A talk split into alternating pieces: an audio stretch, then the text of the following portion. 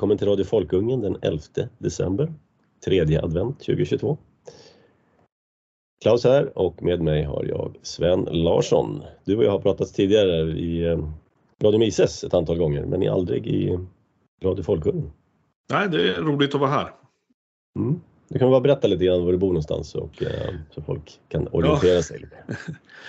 Jag håller till i, eh, i eh, den vilda västern i Wyoming i Amerika. Jag har bott här i snart 14 år i, just här i Wyoming. Jag kom till, eh, till Amerika för 20 år sedan. Ehm, och ehm, jag är nationalekonom till yrket, doktorerade i Danmark ehm, vid sekelskiftet. Millennieskiftet heter det väl. Hade tänkt mig en karriär i akademia men sen insåg jag att det var, det var alldeles för mycket vänsterfolk där så jag bestämde mig för att gå in och jobba i det som här, här heter public policy. Det ska man säga är väl en, ehm, en slags ja, tankesmedjor, politiska organisationer av olika slag jag har jobbat med. Ursäkta mig. Jag har jobbat med diverse politiker eh, eh, på olika nivåer också, politiska kampanjer och skrivit material för dem, utbildat så gott det nu går politiker i ekonomiska frågor.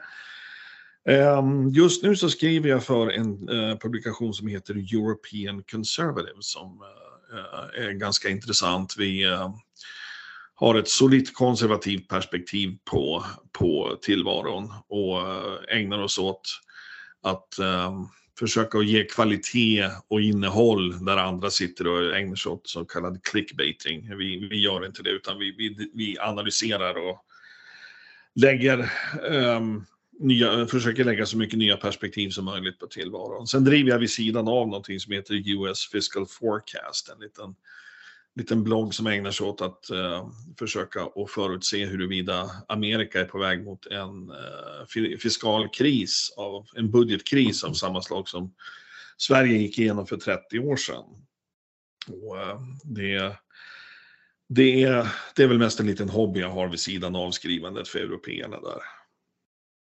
Ja, men European Conservative, den är bra. Jag har läst en hel del av dina alster där. Bra perspektiv ja. tycker jag.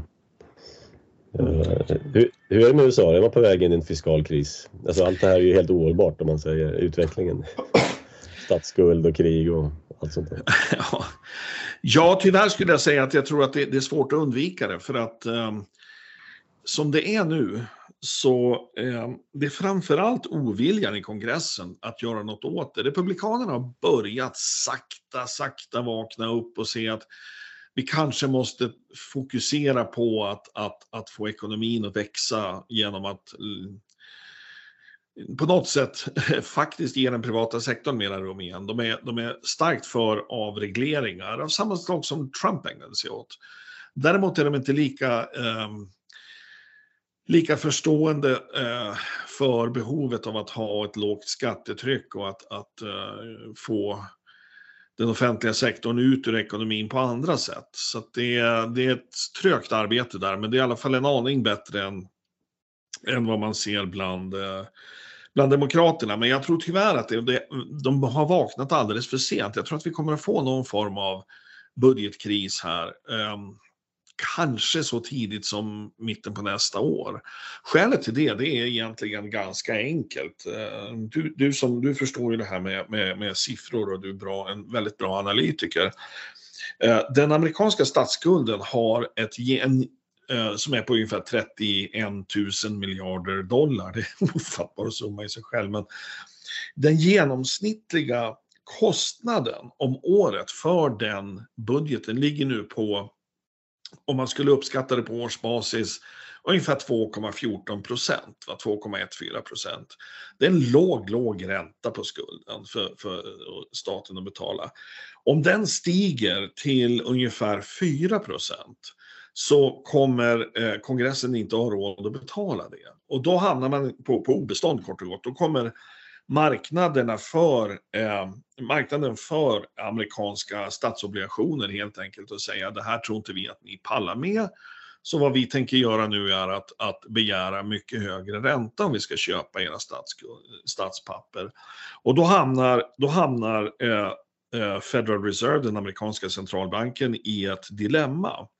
De har, de har ju varit oerhört noga med att dra sig ur eh, stödköp av amerikanska eh, statsobligationer och eh, var tidigt ute, tidigare än vad ECB har varit. Eh, och eh, de har också höjt räntorna ganska, ganska stadigt. Från, eh, de låg ju alltså kring princip runt noll, mellan noll och en, under en procent nästan hela, över hela över hela spektrumet. Nu, nu ligger alltså alla, eh, när man tittar på, på när de säljer nya, nya eh, eh packar med, med, med, med statspapper under olika, med olika alltså, eh, längd, så ligger räntorna någonstans runda slängar runt 4 procent.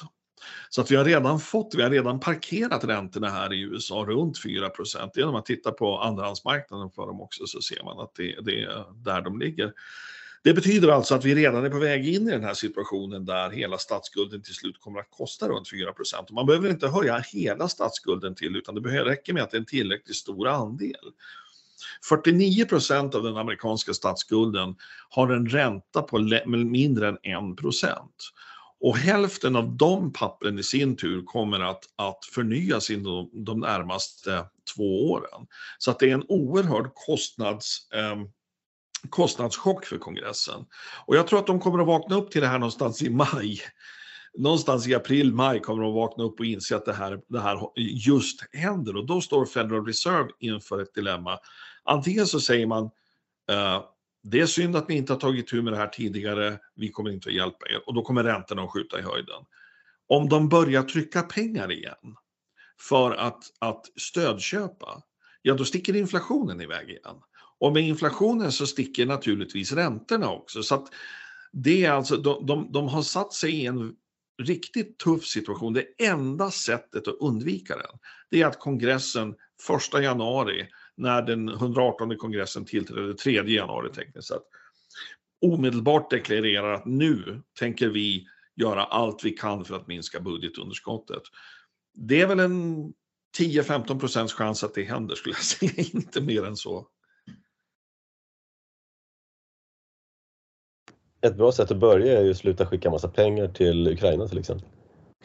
Det vore ju trevligt att sluta göra det, det tycker jag det tycker jag faktiskt vore en väldigt bra åtgärd. Av många skäl, inte minst därför att jag, det är jag som sitter och betalar skatterna som ska, som ska finansiera det där, alla de där eh, skovlarna med pengar. Det, det tycker jag, jag tycker är en bra idé generellt sett. Mm.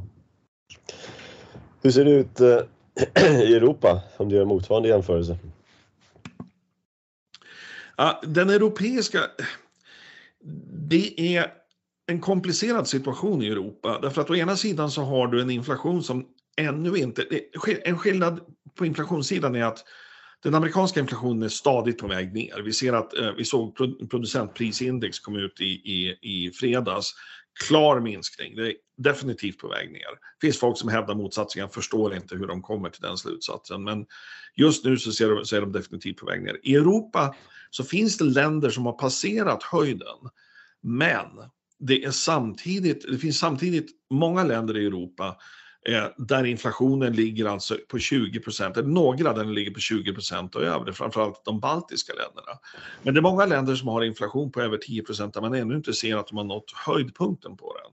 Samtidigt så väljer eh, ECB eh, att eh, gå varsamt fram med att höja räntorna, det vill säga de stramar inte åt finanspolitik, eller förlåt mig, penningpolitiken så hårt som de borde göra och lämnade då till finanspolitiken att, att, att försöka hantera inflationen. Och Det går ju inte. Har man en monetär inflation så kan man inte använda finanspolitik på den. Det är, det är basal makroekonomi helt enkelt.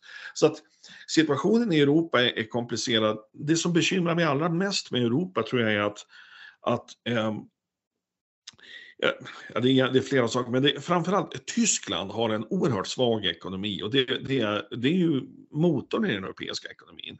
Det, det är jag orolig för vad som kommer att hända där. Frankrike går det aningen bättre för, men inte mycket.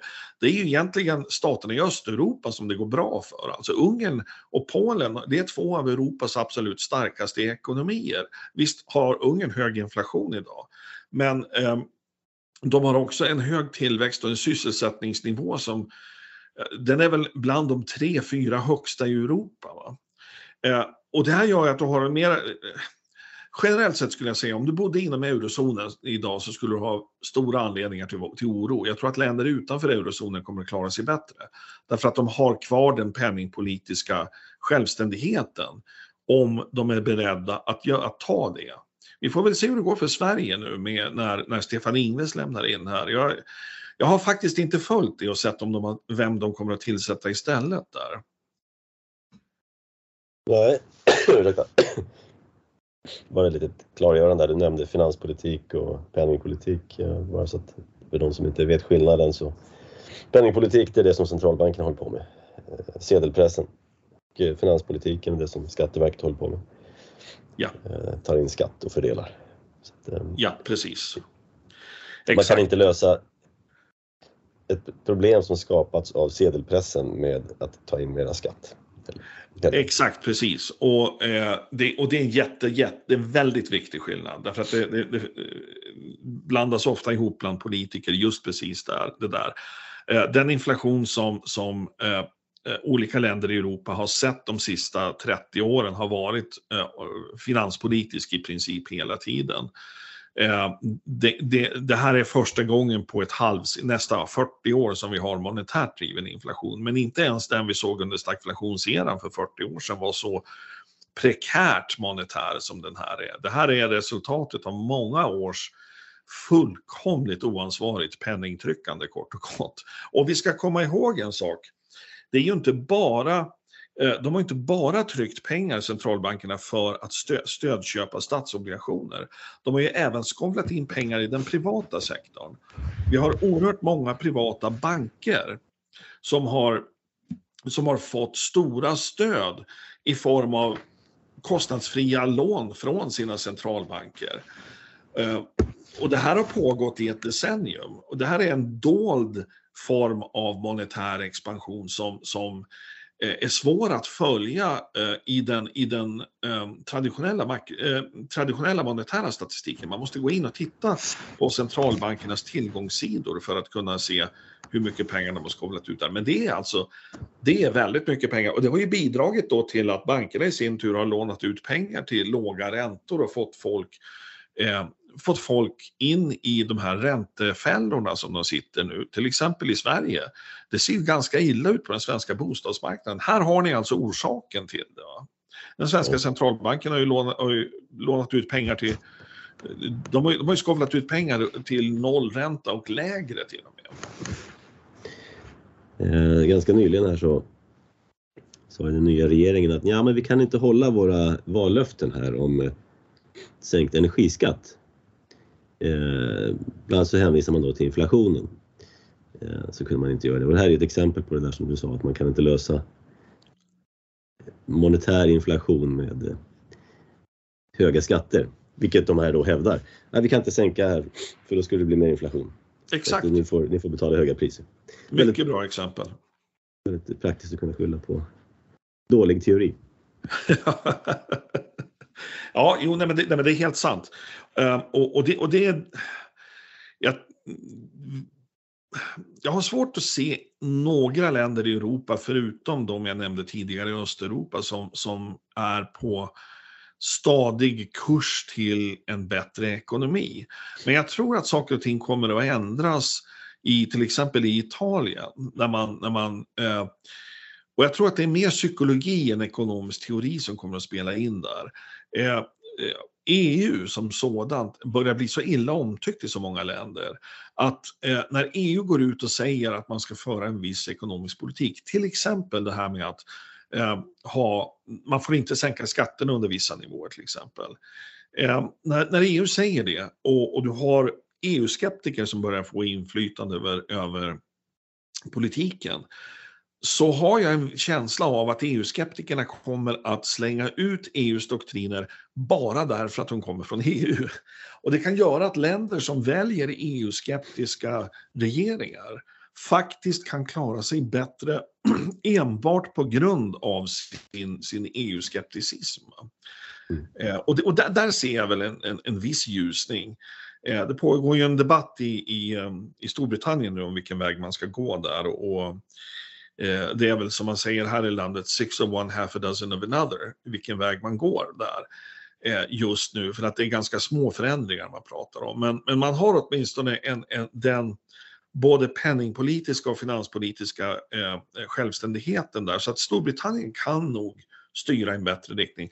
Och jag hoppas att Kristerssons regering kan, kan eh, eh, Eh, dra på sig eh, de, de, stora pojkarnas brallor och, och, gå ut och faktiskt göra någonting här. För att de, de har fått ett förtroende från väljarna och eh, att, att arbeta på att, ska vi säga, göra Sverige ekonomiskt självständigt igen, i, i någon mening åtminstone.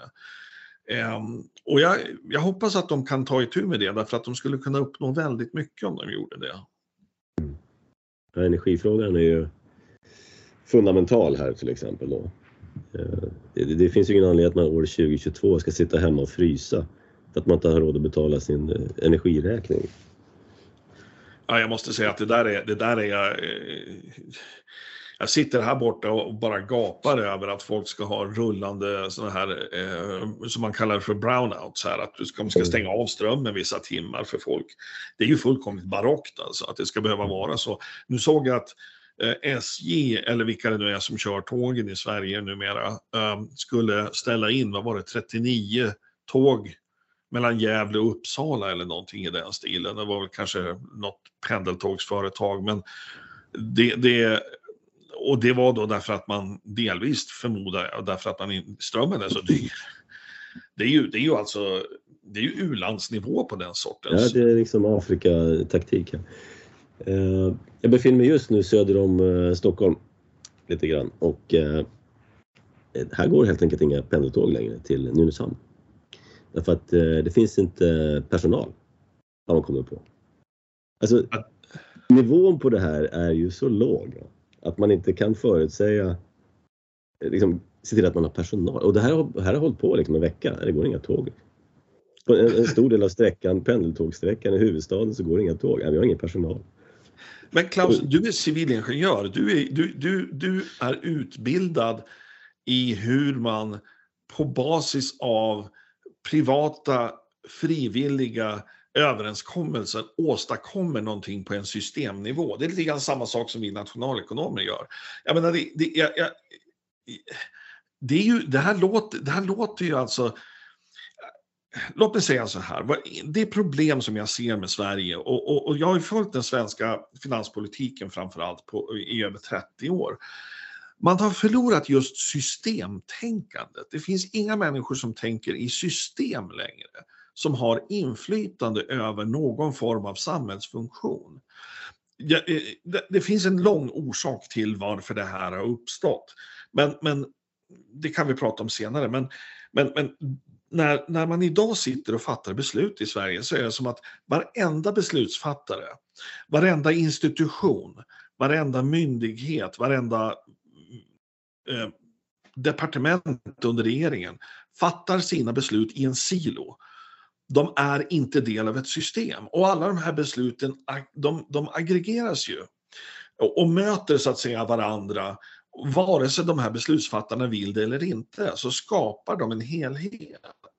Och fattar man besluten utifrån utgångspunkten att man inte är del av en helhet, ja men då blir ju helheten också ganska så, eh, ska vi säga, eh, dysfunktionell i sin, i sin natur. Va?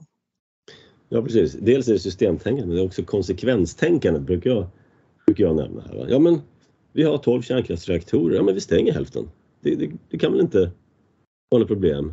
Det känns, 12 känns ju onödigt många. Varför ska det vara så många? Ja, sen sitter man ju där då. Och det, det är som att de här har byggts utan en anledning. Ja, ja, ja. Då har du ja, hårfrisörskor som sitter och fattar beslut om sådana här saker. Liksom det är inget fel, hårfrisörskor behövs också men ja, man kanske ska ägna sig åt det man har kompetens för.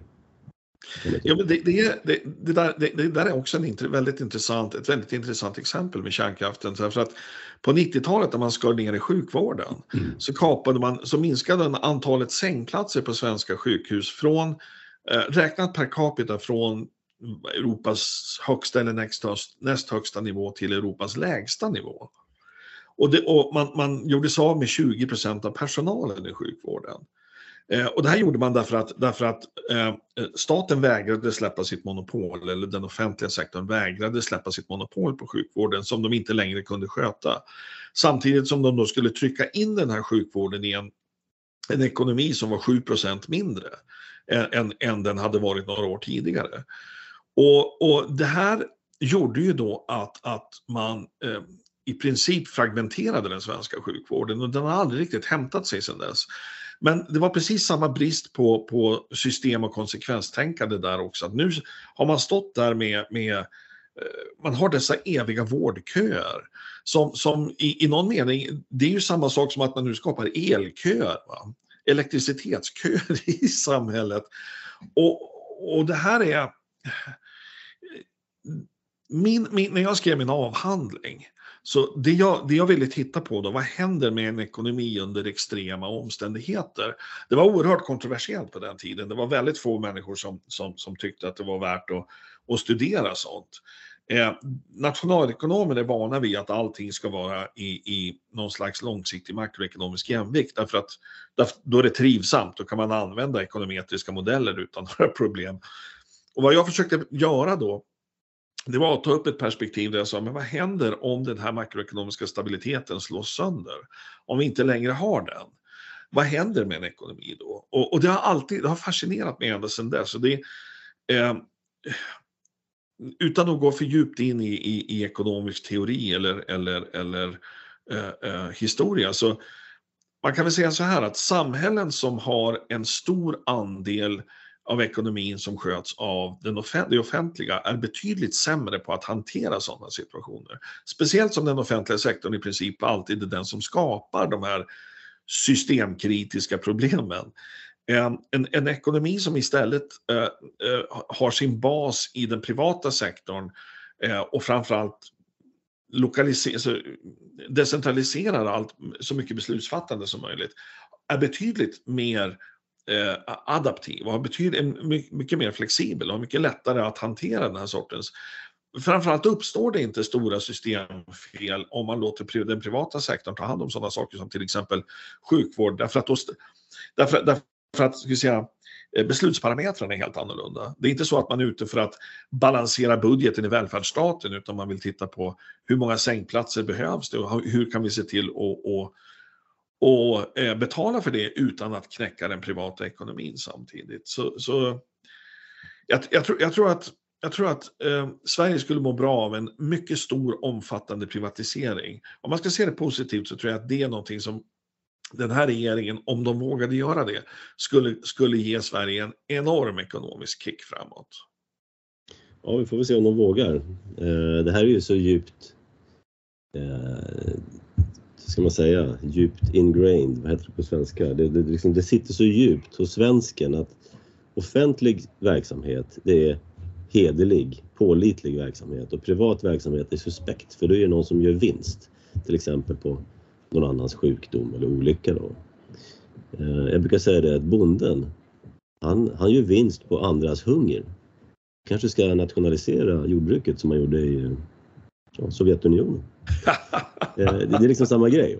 Det finns ju inget ohederligt i, i, privat verksamhet men indoktrineringen är så, sitter så djupt. Så vi får se om de vågar göra någonting åt det här. Om de överhuvudtaget begriper sånt här, det är också en fråga.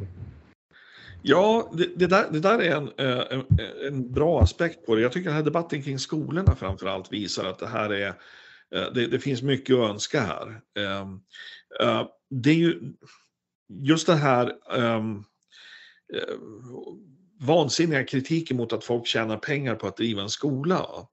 Eh, det har ju varit någon form av, av, av eh, testballong för hur långt man kan gå vad gäller att eh, försöka privatisera offentlig verksamhet i Sverige. Och där har ju sossarna bedrivit en, en, en vildsint kampanj tycker jag. Eh, är förvånad över att det finns folk som fortfarande vill våga driva privatskola i Sverige. Om det är någonting som slår sönder den långsiktiga stabiliteten i den privata skolsektorn så är det ju politiker som, som ändrar spelreglerna från från en mandatperiod till en annan, nästan från ett år till en annan ibland. Va? Ja, precis. Ehm, jag brukar säga att det, problemet med eh, den här privata skolverksamheten är att den är halvprivat. Eh, det vill säga, det är inte eleverna eller deras familjer som betalar för det här, eh, för undervisningen, utan det kommer via skattsedeln. Och problemet är att nivån för ersättningen då som kommer via skatten är på samma nivå som den offentliga skolan som slukar enorma mängder pengar eh, och är väldigt ineffektiv. Och det gör naturligtvis att om man kommer in som privat aktör och får samma pengar som eh, den offentliga verksamheten får så kan man ju skära guld med täljkniv. Mm. Eh, vilket är vad många har gjort då, som har drivit skolor. Som därför, att, därför att den privata sektorn gör saker och ting betydligt mer effektivt. Och då Precis. blir det pengar över. Exakt. Men vore det istället så att det vore helt privat. Du betalar till skolan vad det kostar. Eh, då skulle det uppstå en helt annan situation. Då skulle det uppstå konkurrenssituation. Det skulle bli differentiering, olika typer av skolor, olika typer av avgifter eh, och man skulle välja det som passar en bäst. Liksom. Eh, men icke desto mindre så är det ju ändå en, en, ja, en fördel att det finns de här semiprivata eller de här privata skolorna. I alla fall det är åtminstone ett litet vattenhål i den här socialistiska öknen. Ja, jo, jo. Eh, eh, när jag bodde i, i Danmark när jag höll på att doktorera där så min eh, min son var, började precis i första klass där då och eh, gick på en privat skola som fick pengar från, från kommunen men som där, därutöver var fri att om de så önskade ta en avgift över det. Det fanns alltså inget förbud mot privata avgifter. Det fanns, det fanns en skola där eh, i Hellerup, en av de eh, mm, finaste så att säga förorterna till Köpenhamn där jag tror det kostade 100 000 danska kronor om året på den tiden. Jag tror jag betalade 20 000 om året för, för min sons skola, förutom vad de fick från, från eh, eh, kommunen. Det är ju en annan variant, va? Att, att om man vill ha en mjukare övergång. Jag tycker att det system du pratar om är det som idealiskt sett vore det bästa. Va? Ehm, ett sätt att, att, på ett pragmatiskt sätt röra sig i den riktningen det är att börja med att öppna upp för att låta de privata skolorna ta avgifter och låta de privata skolorna säga nej till kommunala pengar om de så önskar. Du skulle också kunna ha ett system där, där skolor som vill driva som vill driva sin verksamhet utan vinstsyfte eh, kan ta emot frivilliga skatte, eh, eh, donationer som då blir eh, skatte, du kan göra ett skatteavdrag för den modell som finns här och som finns i Storbritannien och ett par andra länder. Eh, det, det var ju något som borgarna försökte införa på 90-talet. Ehm, jag tror att det är också en intressant modell. Du skulle kunna sätta upp en, om du till exempel råkar, råkar ha tjänat ihop eh, några miljoner sådär, så och skulle du kunna använda de pengarna och sätta upp en stiftelse som till exempel ger ut stipendier till folk som vill gå på privata skolor eh, oavsett familjeinkomst och säga har ungen tillräckligt bra betyg, vill gå på den här skolan så ger vi ett, så betalar vi avgiften för att den ungen ska få, få gå där. Det finns så många olika system man skulle kunna, eh, eh modeller som man skulle kunna låta samverka, som du säger, på en marknad där folk får välja efter eget huvud. Eh, och, och, och eh, jag, hoppas att, jag hoppas som sagt att svenska politiker kommer dit. Eh, det är, ett långt, det är en lång väg att gå dit, men jag, jag har en känsla av att ju sämre det blir i de offentliga skolorna, desto större blir, borde rimligen ändå folks incitament bli att, att uh, titta på nya, nya möjligheter och kanske, kanske faktiskt ta upp dem med sina politiker också och säga kan vi inte pröva det här? För det, för det är en sak, det är en sak med, med den här debatten kring den här sortens att ge folk den här sortens ekonomiska frihet som, som jag tycker fattas i det svenska samtalet och det är att bara för att något är tillåtet så innebär det inte att det är påbjudet för alla. Om det är tillåtet för folk att sätta sina ungar i privatskola så innebär det inte att alla måste göra det. Om det är tillåtet för folk att betala själva för att sätta sina ungar i skolan så innebär det inte att alla måste göra det. Det finns alltid en annan möjlighet för dig. Mm. Ehm, och, och och det, och det, det här, det, det, jag tror att det, det finns någon form av, av bristande, eh, bristande eh, insikt här i hur ett fritt samhälle faktiskt fungerar. Som är nästan nedärvt i Sverige. Jag fascineras ofta av det när jag, jag pratar med svenskar just om den typen av, som här till exempel, hur saker och ting fungerar här i, i Amerika. Ja, jag tror att det drivs av avund. Va? Varför ska din son få gå i en bättre skola bara för att du har pengar? Han ska gå i lika dålig skola som min. Alltså hellre man trycker ner alla till samma låga nivå än att någon får vara lite högre och andra får sträva dit. Det, ja, det, det där, det, det, jag är glad att du tar upp det där Klaus, för det där, det där är en mycket intressant aspekt.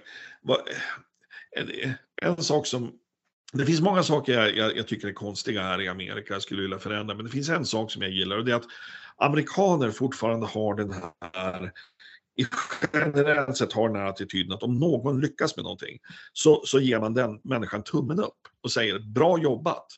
Eh, man kan, man kan eh, eh, titta med respekt och beundran på en, en kille som eh, knappt tog sig igenom high school som bygger ett lokalt företag som, som anställer 20 människor och skapar jobb i den lokala. Alltså det, det, det, det är någonting som, och, och, och, det finns, de enda som har avundsjuka här egentligen, det, det är elitvänstern som är ganska liten. Men, men jag, jag, jag minns det där från, från när jag bodde i Sverige, just det, det, det du pratar om. att eh, Man ville hellre se problemen och, och, och från, från ett så kallat jämlikhetsperspektiv än man ville se att den här killen som har lyckats, han visar ju att alla kan lyckas. Alla kan, om man, om man lägger manken till så kan man lyckas på ett eller annat sätt. Det, det finns en studie som, som för, gjordes för ett tiotal år sedan av inflytandet av sko, eh, alltså skolval här i, i, eh, här i USA som visade att eh, ungar som gick på privatskolor var 25 procent mer benägna att starta ett eget företag än ungar som gick i offentliga skolor. Och de som gjorde studien kunde inte förklara varför. Det kan jag förstå därför att det var en rent statistisk studie, men de var så fascinerade över det där. Och jag, jag hade ett långt samtal med en av de, de ekonomerna som hade skrivit den där och, och, jag frågade, tror du att det kan vara så, för de hade ju varit ute och tittat på de här skolorna också, till och med intervjuat barn. Kan det vara så, frågade jag, att de som driver privatskolor själva, de är ju själva entreprenörer. Kan det vara så att deras entreprenörsanda smittar av sig på de här barnen? Och då, det, svaret var positivt där och den här, hon sa också att det kan vara så att de här föräldrarna har en entreprenörsanda bara i det att de väljer att sätta ungarna i privatskola. De, de söker nya innovativa lösningar. Det, det är en, en, en, primitiv form av entreprenörskap, men det är icke desto mindre samma anda. Så att jag tror att kan man få in det där i större delar av samhället i Sverige så tror jag det kan ha positiva effekter långt bortom just, just det att man får bättre skolor. Det kan ha en större vill säga, makropsykologisk effekt nästan. Mm. Du nämnde Ungern och Polen som några av de eh, ljuspunkterna i europeisk ekonomi. Då. Och jag tycker det är intressant det här att det är just länder med hyfsat konservativa värderingar som lyckas bäst. Ju mer progressiv man är som Tyskland till exempel eller ja, vissa andra exempel, Sverige, eh, desto sämre tycks det gå. Och eh, det här, ja, jag har ju en hypotes om att värderingar är det som ligger till grund för, för sunda värderingar skapar sund politik och eh, välstånd i slutändan. Eh, och eh, dåliga värderingar, eh, ja, det ger motsatsen då. Ehm, jag vet att du tittade lite grann på, på Ryssland här för ett tag sedan. Eh, därför att vi hör ju hela tiden att Rysslands ekonomi är ju så dålig så att de är tvungna att samla in kylskåp och bygga om till bomber och, och robotar då, som de skjuter på Ukraina med. Det går ju så otroligt dåligt i Ryssland. Och jag vet inte, vi kanske står på olika sidor i den här konflikten, eller det spelar ingen roll. Ekonomiskt sett, du gjorde i alla fall en undersökning där du säger jag kan inte se det här. Ja, just det. Kan, kan du säga någonting om det? Ja, Jo, det var, det var en grupp ekonomer, eh, nationalekonomer på Yale University som ska vara ett av, amerikansk, ett, ett av världens toppuniversitet som, som hade gjort en studie, bombastiskt marknadsförd, om att eh, vi har bevisen för att den, amerikan, eh, den, den ryska ekonomin är på väg att, att, att, kollapsa, eller den redan imploderar och, och, och allt det här. Det var, det var, det, allting hade gått åt skogen i Ryssland redan. Eh, och jag satt och läste den där rapporten. Och det var, det var, det var nog 20 personer som var involverade att skriva den här. Eh, och jag satt och läste rapporten och började titta på deras bevis och började vad hade de för källor och, och eh, hur var den upplagd, vad hade de för metodologi? Och utan att gå, alltså artikeln finns på, eh, på europeanconservative.com. Om man, om, om man går dit och söker på Yale University så hittar man den artikeln. Eh, lång historia kort, det fanns inte skuggan av, av bevis för att den ryska ekonomin var, var på väg att kollapsa. Det var, de, de gjorde påståenden som var i, i vissa avseenden rena fantasier. Grova överdrifter, eh, osakligheter, metodologiska motsägelser. Det var en eh, riktigt, riktigt dålig studie. Eh, den ryska ekonomin som jag förstår det eh, har drabbats av en hyfsat djup recession som man är på väg ut ur igen. Ryssarna har eh, eh, eh jag kan ju säga så här, jag tycker, jag tycker inte alls om Rysslands invasion i Ukraina. Men jag ser eh, två regimer som är ungefär lika korrupta här, som sitter och är i krig med varandra. Och de verkliga förlorarna, det är det ukrainska folket som ska behöva lida under det här. Men, men ingen ska komma och tala om för mig att Zelensky eh, blev en, en eh, representant för frihet, demokrati och västliga värderingar eh, i februari bara för att Ryssland invaderade. Så är det naturligtvis inte. Eh, eh, men kriget Eh, Eh, ledde ju till sanktioner mot Ryssland. Och mm, de håller, jag håller inte med om de sanktionerna heller, men låt vara med det.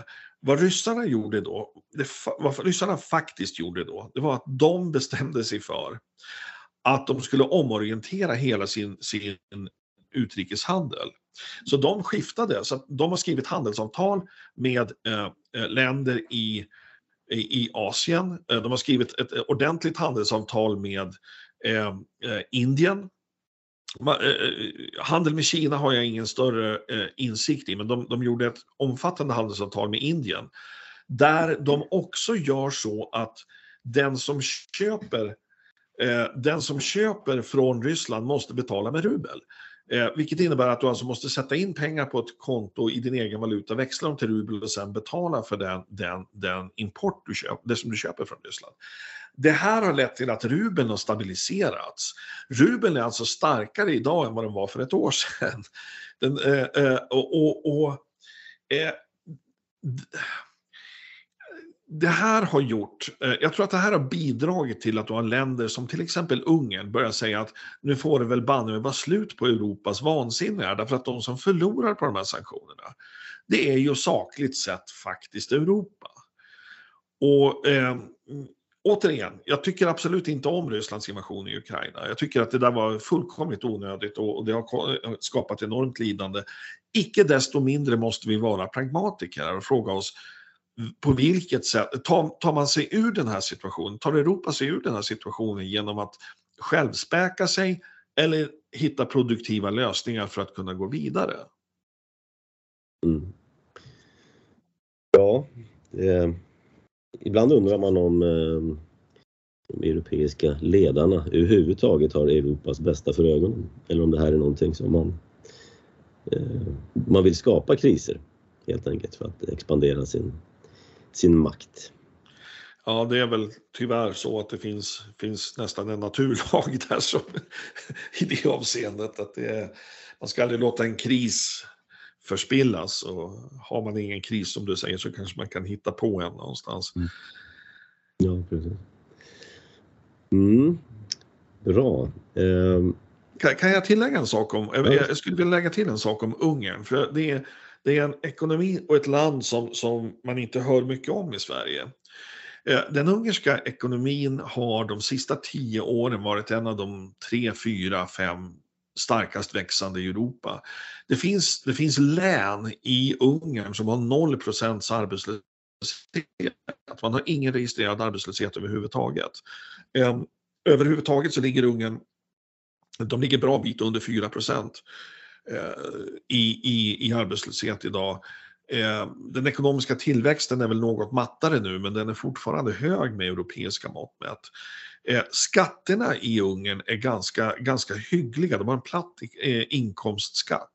En av de sakerna som de har gjort på utgiftssidan sen, de har en välfärdsstat och den är hyfsat stor, men man har skrivit om funktionen av den, alltså syftet med välfärdsstaten, skrivit om det ideologiska syftet. Den svenska välfärdsstaten och de allra flesta välfärdsstater går ut på att du tar pengar från de så kallat rika, de som råkar vara rika idag, så ger du dem till de som man då eh, eh favoriserar. Eh, de må vara låg inkomst, de må vara de bas, baserat på andra kriterier. Hur, hur som de, de, var, de vars röst, röster är billigast att köpa. Just det, precis.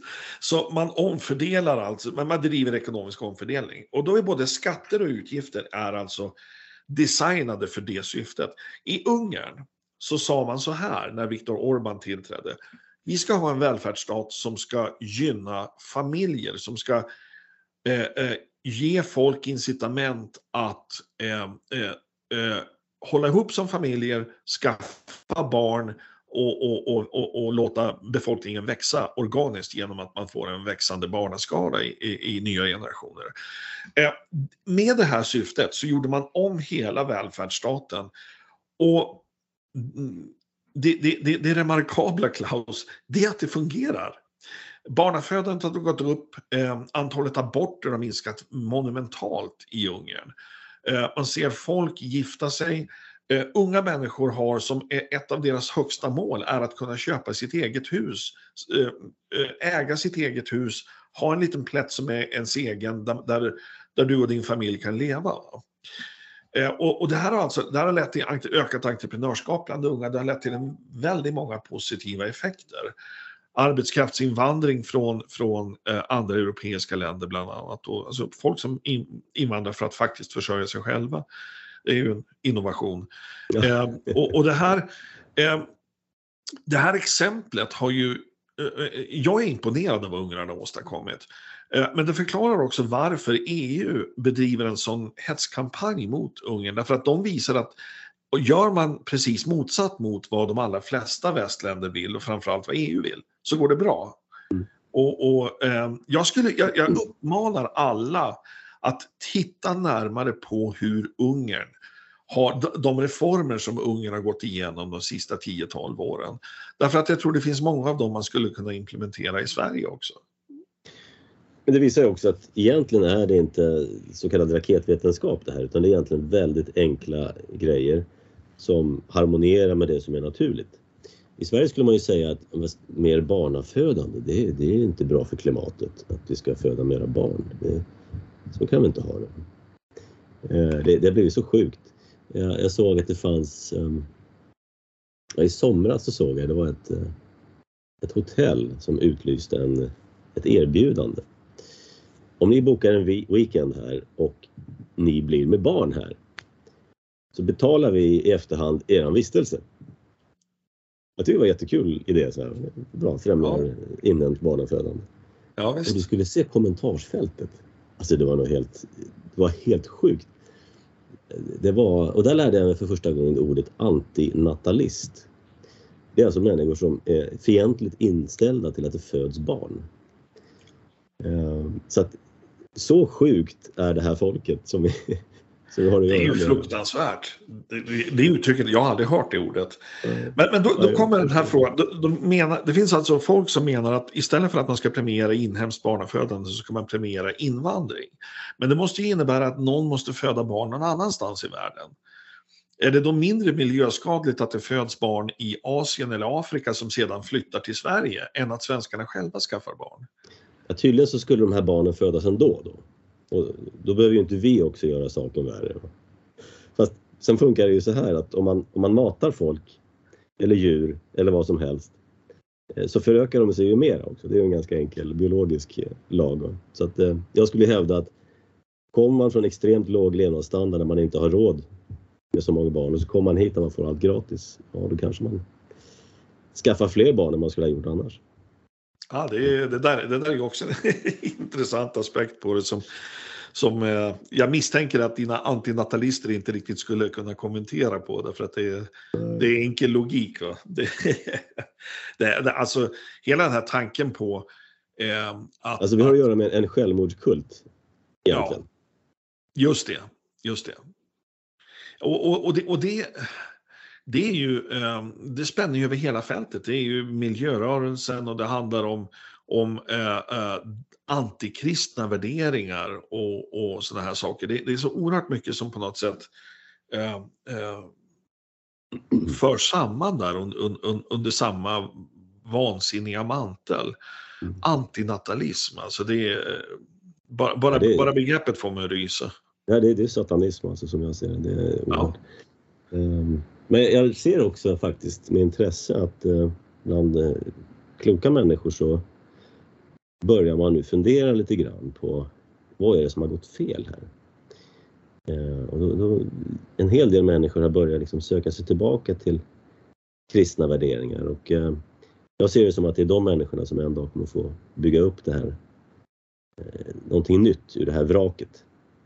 Mm. Och de andra de kan ju liksom försvinna ur genpoolen då som inte vill föröka sig. Kanske ingen större, större förlust om man säger så.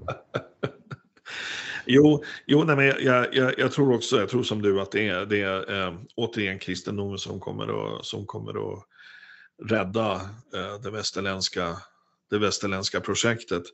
Äh, det är intressant, jag går själv till en katolsk kyrka jag har inte konverterat ännu, men jag, jag, jag, går dit därför att jag tycker det är en, det är en ganska konservativ katolsk kyrka. Jag tycker väldigt mycket om eh, eh, predikningarna, hela, hela formatet där. Eh, men jag har hört från eh, yngre, yngre katoliker att den konservativa delen av den amerikanska katolska kyrkan har eh, solidifierats och tydligen växer igen. Och jag har förstått att det är någonting liknande på gång i, i Europa också. Och, och mm man behöver inte vara katolik, det finns ju andra inriktningar på kristendomen också. Eh, det tycker jag är positivt överhuvudtaget om folk i, i större utsträckning orienterar sig till, till, tillbaka till kristna värderingar. Det, det tror jag det, det, det inger hopp. Mm.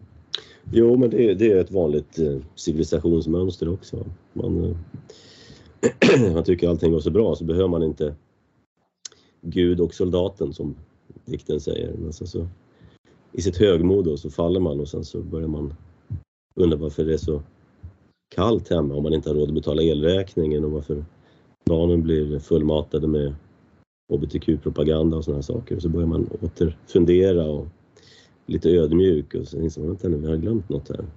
Just det. Och så, så hittar man tillbaka och så går det runt, runt, runt. Då. Ja, jo, det, det är synd att det skulle behöva vara så. Men det, det ser i alla fall positivt ut för den upp, eh, uppväxande generationen om man lägger det på den nivån där. Mm. Jag, jag, jag, tycker um, det här är mer av en fråga till dig. Uh, om, om vad, vad, tror du om den svenska regeringen? Alltså, um, jag har ju följt till exempel Ulf Kristersson ända sedan början av 90-talet. Jag har sett hans politiska utveckling. Och, och, och, en del andra. Eh, jag var inte alls imponerad av Anna Kinberg till exempel. Jag tyckte, jag tyckte inte alls att hon, hon var, var lämplig att sitta där. Men jag har haft ganska gott, gott hopp om Kristersson. Nu är det ju en eh, koalition som sagt och Sverigedemokraterna har, har väl visst inflytande där. Du som ser det här från ett annat perspektiv än vad jag gör, vad, vad, vad tror du kommer att hända de närmsta fyra åren? Ja, Ja, alltså jag vågar ju inte vara optimistisk om eh, liksom, de här demokratiska institutionerna alls egentligen. Ehm, men eh, jag hoppas ju att lidandet blir så stort i det här landet. Ehm, att folk börjar se samband mellan saker och ting så att den här regeringen ska våga göra det som behövs göras. Därför att jag ser det här som väldigt fega människor. Eh, det lätta att göra det är att fortsätta göra vad Socialdemokraterna alltid har gjort. Behålla allting. inte skicka tillbaka några invandrare och inte sänka några skatter utan höja skatter, höja energiskatten med 9 procent. Eh, hänvisa till klimatet och sådana här grejer. Eh, så att jag vet inte. Det som är roligt med den här regeringen det är att vänstern blir så fruktansvärt rädd och livrädd över att stöveltrampen ska börja här snart igen.